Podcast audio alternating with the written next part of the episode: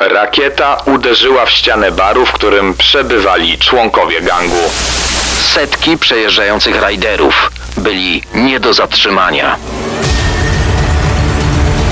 Sceny zbrodni w RMFFM.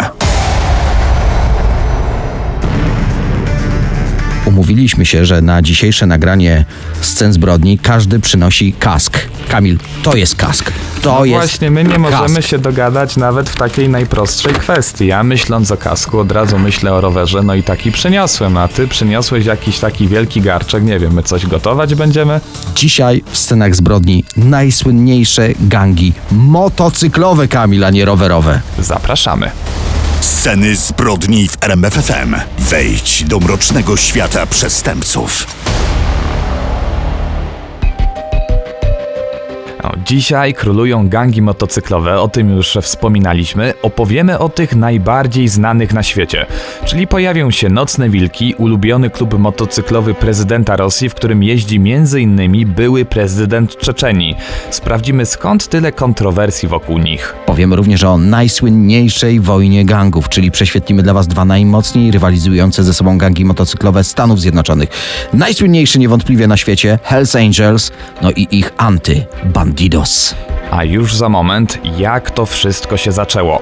Kiedy zwykły klub pasjonatów motocykli zmienił się w gang jak małe amerykańskie miasteczko stało się początkiem trwającej do dziś wojny motocyklowej w USA. I żeby zacząć tę historię, musimy przenieść się do roku 45. Wtedy to kończy się oczywiście II wojna światowa. Do Stanów powracają weterani walczący no niemal na wszystkich kontynentach. Nie potrafią odnaleźć się w swoim kraju w czasach pokoju. Dziś powiedzielibyśmy syndrom stresu pourazowego. Oni najlepiej czują się wśród kolegów z wojska, a jako że wojsko wyprzedaje sprzęt, który nie jest już im potrzebny, kupują okazyjnie motocykle wojskowe. Każdy dekoruje swój motocykl z demobilu, by był w jakiś sposób wyjątkowy, inny niż inne. Zawiesza więc na nim wojenne trofea, jakaś naszywka, jakieś łuski, coś wymaluje na baku. Do tego wojskowe kurtki zaczynają przystrajać oryginalnymi emblematami, a już szczytem mody jest założyć zamiast kasku po niemiecki hełm. Tak teraz wyglądają prawdziwi twardziele Ameryki. Gdziekolwiek się pojawiali, budzili zainteresowanie, więc szeregi ich rosły, zbierali się w grupy i jeździli od stanu do stanu. Zatrzymywali się przy barach i w motelach, a tam imprezy, alkohol, no i oczywiście jakieś mordobicie. Ale to jeszcze nie był początek motocyklowej gangsterki. To były kluby i klubiki. Pierwsze powstały w Kalifornii. Słoneczny stan wyjątkowo sprzyja motocyklistom.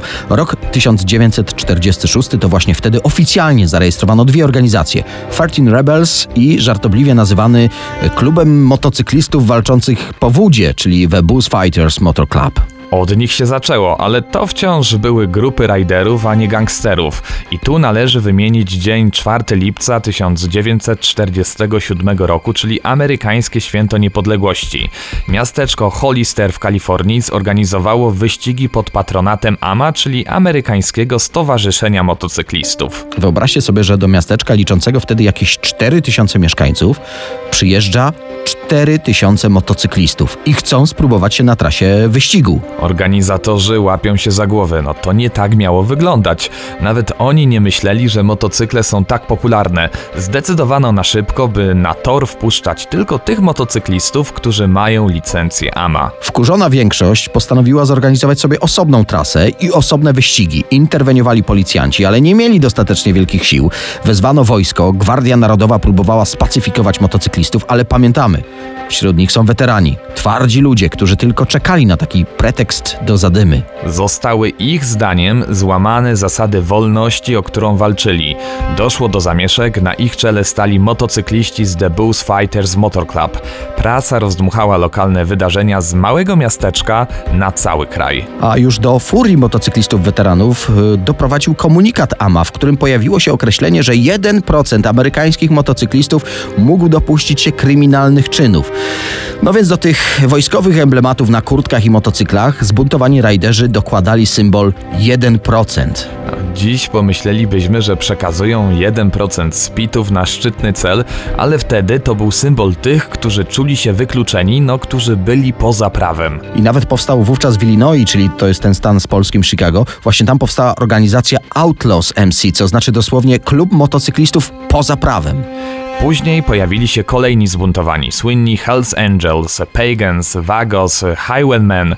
Czuli się oni wszyscy wykluczeni i tak zaczęli działać. Początkowo po prostu nic sobie nie robili z drogówki. Wyobraźcie sobie setki przejeżdżających rajderów, no byli nie do zatrzymania. Poczuli swoją siłę i z czasem zaczęli jej nadużywać. Zaczęły się poważniejsze bójki, kradzieże, napady, porwania i coraz bardziej brudne interesy. W latach 60. kolejna fala weteranów wraca z Wietnamu i znów wolność odnajdują na motocyklach. Nowe gangi to Bandidos, Mongols, Free Souls, Sons of Silence czy Warlocks. Gangów jest już tak wiele, że dzielą Amerykę na strefy wpływów. Jeśli jakiś gang zapuścił się na niewłaściwą ulicę, kończyło się bójkami, a w końcu i strzelaninami. Działalność gangów rozszerza się wtedy o narkotyki, handel nimi, handel bronią, kontrolę prostytucji. Podobno to właśnie po Wietnamie FBI zorientowało się, że gangi motocyklowe to organizacje niemal równie groźne jak mafie, ale tego nie udało się już zatrzymać. Ale to już inna historia Ameryki, do której wrócimy nieco później. Za chwilę najsłynniejszy motocyklowy gang Rosji w scenach zbrodni.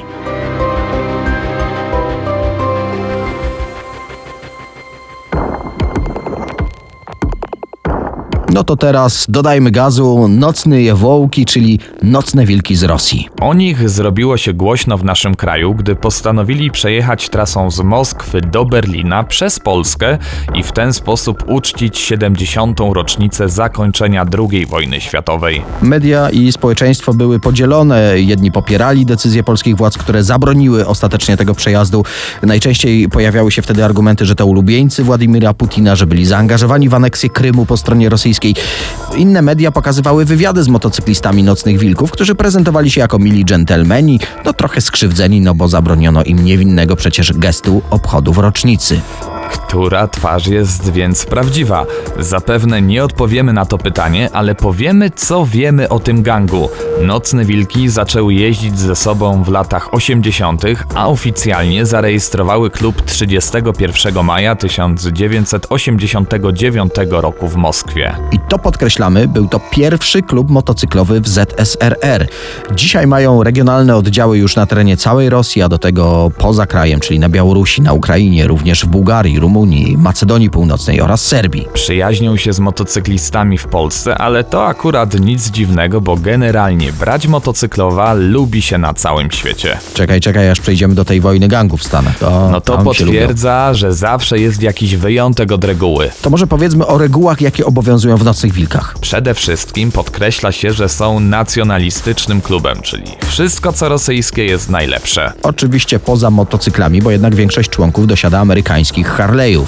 No i poza stylizacją jeźdźców, bo też ewidentnie nawiązują do amerykańskich gangów motocyklowych. Skóry, dżinsy, chusty pod szyją, hełmy zamiast kasków, no po prostu nie odróżnisz od Jankesa. A jednak równocześnie krytykują wszystko co amerykańskie, wręcz odgrażają się tej złej imperialistycznej Ameryce. Oni są prorosyjscy, wręcz proradzieccy, najchętniej przywróciliby dawną radziecką potęgę, no to widać na pierwszy rzut oka, bo na tych amerykańskich ubraniach i motocyklach widać sierp i młot prosto z sowieckich flag. Tak, do tego czerwona gwiazda na karoseriach, bakach, czy nawet wśród tatuaży motocyklistów. Ale musimy oddać, że teraz coraz powszechniejsze jest jeżdżenie na motocyklach rodzimej produkcji.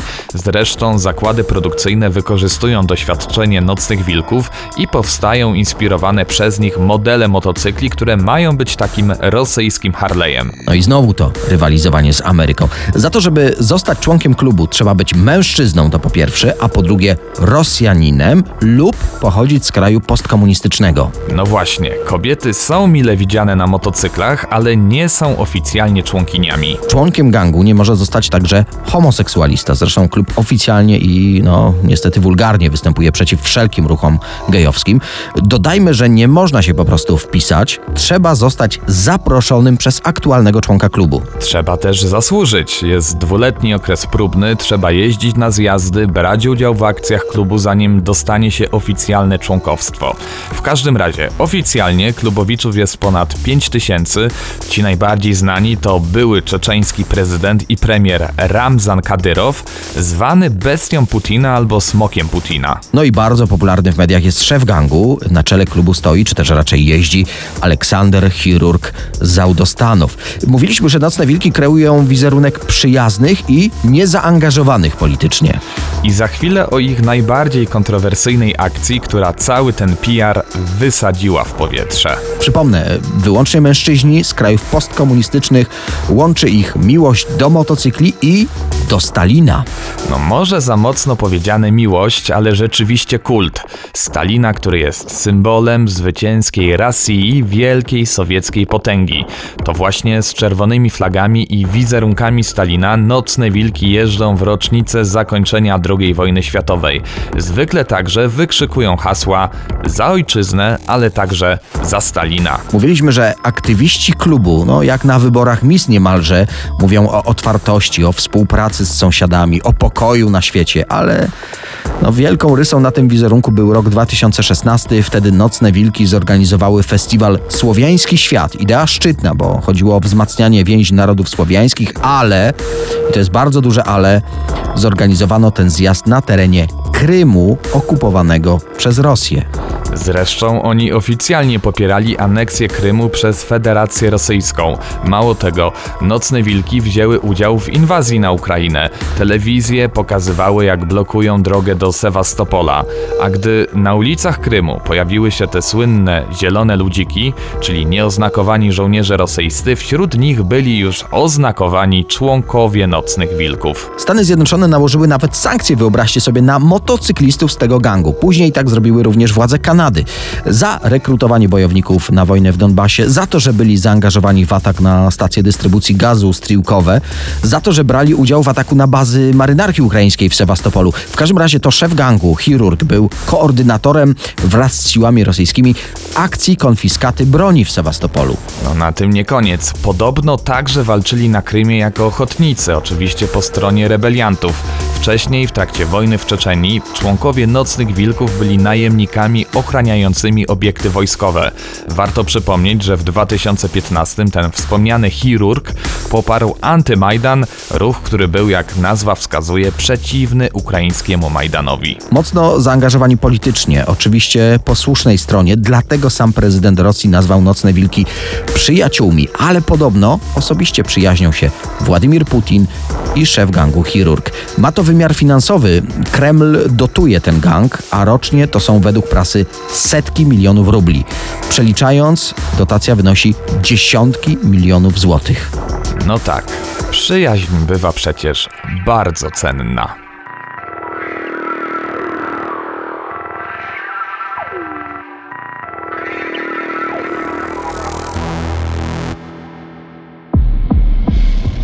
Scenach zbrodni teraz skupiamy się na najsłynniejszych gangach motocyklowych, no więc Hells Angels Motorcycle Club, najsłynniejszy gang motocyklowy na pewno w Stanach, a prawdopodobnie także na całym świecie.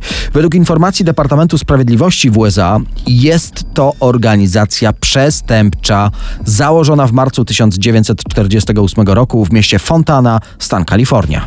Gang stworzyli wracający z Europy weterani II wojny światowej. Mężczyźni przyzwyczajeni do życia na krawędzi, no oni nie mogli za bardzo przystosować się do funkcjonowania w bardziej spokojnych warunkach. No, czyli typowa e, geneza powstania gangu motocyklowego. Dodajmy e, do tego wojskową nadwyżkę w produkcji motocykli, przez co stały się one dostępne dla każdego. Ceny były naprawdę konkurencyjne, no i tak w skrócie powstała ta organizacja. Członkowie Hells Angels jeżdżą na motocyklach firmy Harley Davidson. Mimo tego, że gang działa już ponad 70 lat, to tak naprawdę niewiele o nim wiadomo.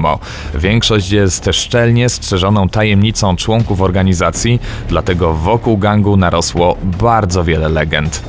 Pewne jest to, że nazwa Hells Angels pochodzi od eskadr bombowców z czasów I i II wojny światowej.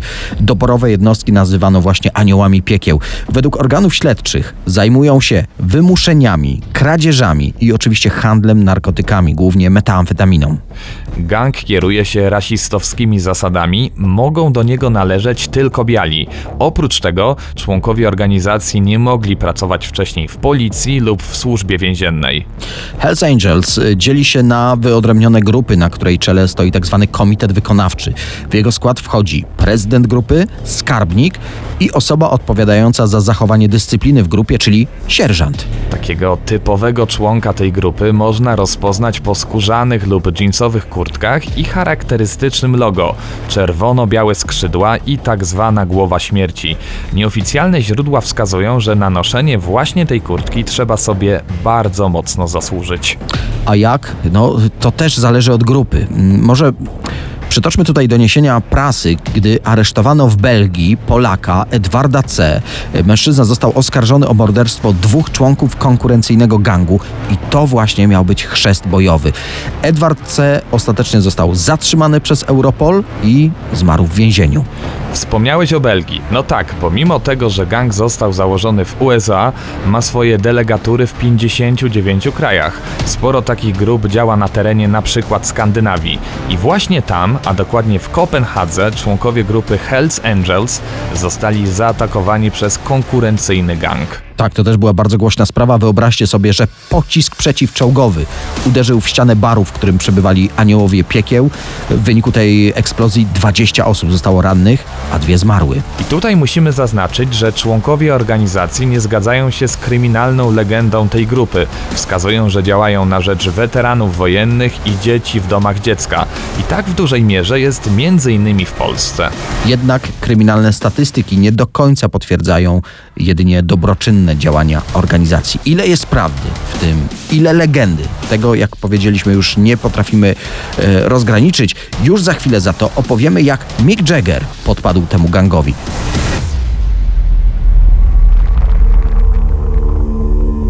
Sceny zbrodni i najsłynniejsze gangi motocyklowe. My obiecaliśmy, a propos związków z muzyką, opowiedzieć o kontaktach Mika Jaggera z gangiem Hells Angels, chociaż słowo kontakty chyba nie najlepiej tutaj pasuje.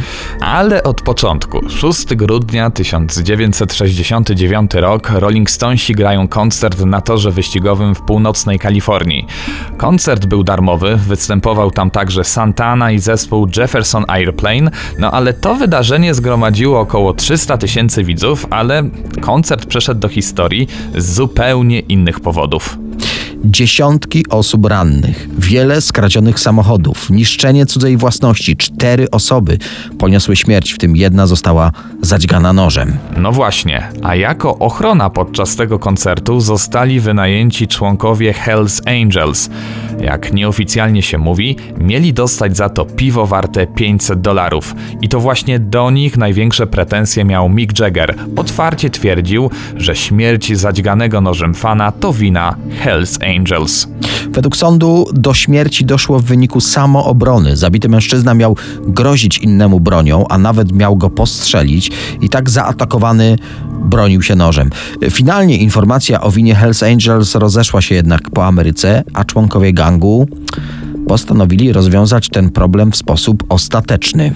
I według informacji byłego agenta FBI Toma Magnolda, zamach na życie Jaggera był zaplanowany w 100%. Członkowie gangu wybrali na miejsce egzekucji letnią rezydencję muzyka niedaleko Nowego Jorku.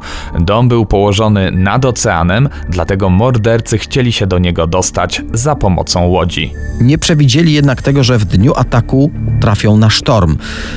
Ich łódź została zatopiona, zamachowcom jednak udało się ocalić swoje życie. Kolejnego zamachu na życie wokalisty The Rolling Stones jednak już nie zorganizowali. I tak musimy podkreślić to jeszcze raz. Wokół gangu Hells Angels narosło wiele mitów. Dla jednych są organizacją przestępczą na równi z kartelami narkotykowymi, dla innych znów miłośnikami jednośladów, którzy kochają wolność. Według informacji CBS-u przestępcza działalność organizacji motocyklowych w Polsce ma charakter incydentalny, zupełnie inaczej wygląda to w USA i w Europie Zachodniej. No, na przykład w Niemczech w październiku 2017 roku władze nadrenii północnej Westfalii zakazały działalności Hells Angels oraz skonfiskowały część ich majątku. To w związku z zarzutami m.in. o handel narkotykami, o przymusową prostytucję czy liczne przypadki kradzieży. Dodajmy jeszcze, że międzynarodowy zjazd Hells Angels odbył się w 2016 roku w Ryni pod Warszawą. Wtedy 5 tysięcy funkcjonariuszy pilnowało tysiąca uczestników zlotu.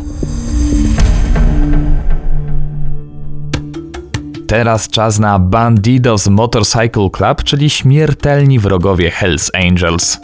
W szeregach organizacji jest około 2000 osób. To czyni go drugim gangiem pod względem liczby członków w Stanach Zjednoczonych. Został założony w 1966 roku w San Leon w stanie Teksas. Na ich logo znajduje się człowiek w sombrero, po tym ich rozpoznacie. No i on trzyma w jednym ręku rewolwer, a w drugim maczetę. Osoba ubiegająca się o członkostwo w Bandidos musi być mężczyzną i posiadać oczywiście motocykl. Zazwyczaj jest to Harley Davidson, chociaż inne amerykańskie marki też są ostatnio dopuszczane. Do Bandidos przystępuje spora część latynosów, którzy są pogardzani przez rasistowski Hell Angels. No i to już jest jeden z ważnych powodów, dlaczego te dwie grupy tak rywalizują. Kolejne to strefy wpływów, ale do tego przejdziemy. Yy, może mm, zatrzymajmy się na etapie przyjęcia do klubu. Kandydat musi przejść trzyetapowy proces wtajemniczenia. Później wszyscy członkowie są zobowiązywani do uczestnictwa w spotkaniach swojego lokalnego oddziału klubu. Takie zjazdy odbywają się zazwyczaj cztery razy w miesiącu. Członkowie organizacji noszą również dodatkowe naszywki, których znaczenie no, publicznie nie jest do końca znane. Ale według policji naszywki mają ścisły związek z działalnością przestępczą. I tak, napis Expect No Mercy przyznawany jest osobom, które zamordowały człowieka dla klubu. Natomiast mottem gangu jest m.in. takie zdanie: Jesteśmy ludźmi, przed którymi ostrzegali nas nasi rodzice. Dodajmy, że organizacja zajmuje się przemytem i sprzedażą narkotyków. Tutaj też konkurują ze sobą te dwa motocyklowe gangi. W 2013 roku funkcjonariusze FBI uzyskali dowody na współpracę Bandidos z meksykańskim kartelem narkotykowym Los Zetas. To właśnie dzięki tej współpracy przemycali i rozprowadzali narkotyki po całych Stanach Zjednoczonych. Ale oprócz narkotyków zajmują się również handlem bronią, wymuszeniami, no i czasem morderstwami. Według kanadyjskiej służby wywiadu kryminalnego Bandidos należą do tak zwanej wielkiej czwórki gangów motocyklowych. Co ciekawe, walka o wpływy między Hells Angels i Bandidos w latach 90. rozgrywała się nie w Stanach Zjednoczonych, a w dużej mierze w Europie. Zginęło wtedy kilkanaście osób związanych z gangami, a jeszcze więcej zostało rannych. Natomiast w 2017 roku holenderski sąd całkowicie zdelegalizował gang Bandidos w tym kraju. Niektóre ich oddziały znów w Niemczech też zostały zakazane. Zabronione było nawet noszenie klubowych kurtek. To wszystko ze względu na zagrożenie dla porządku publicznego. Daniel Dyk i Kamil Barnowski prezentują Sceny zbrodni w RMFFM. Nie wiem, jak długo nagrywaliśmy ten odcinek Scen Zbrodni, ale przez cały podcast i przez cały ten czas twój kask się marnował, za to teraz możesz go założyć, wsiąść na rower i jechać do domu. Właśnie, ty taki nie bądź do przodu, bo w twoim urządzeniu zawsze może się skończyć paliwo, a w moim czegoś takiego nie ma, więc wtedy rozpaczliwie będziesz prosił kogoś o kanister z benzyną, a ja już będę dawno w domu. No na szczęście mam do ciebie numer telefonu i mogę zadzwonić po takiego przyjaciela, który mnie weźmie na ramę i podrzuci na stację paliw. No, chciałbym go poznać, a za dzisiaj dziękujemy. Kamil Barnowski. I Daniel Dyk, do usłyszenia. Sceny zbrodni w RMFFM.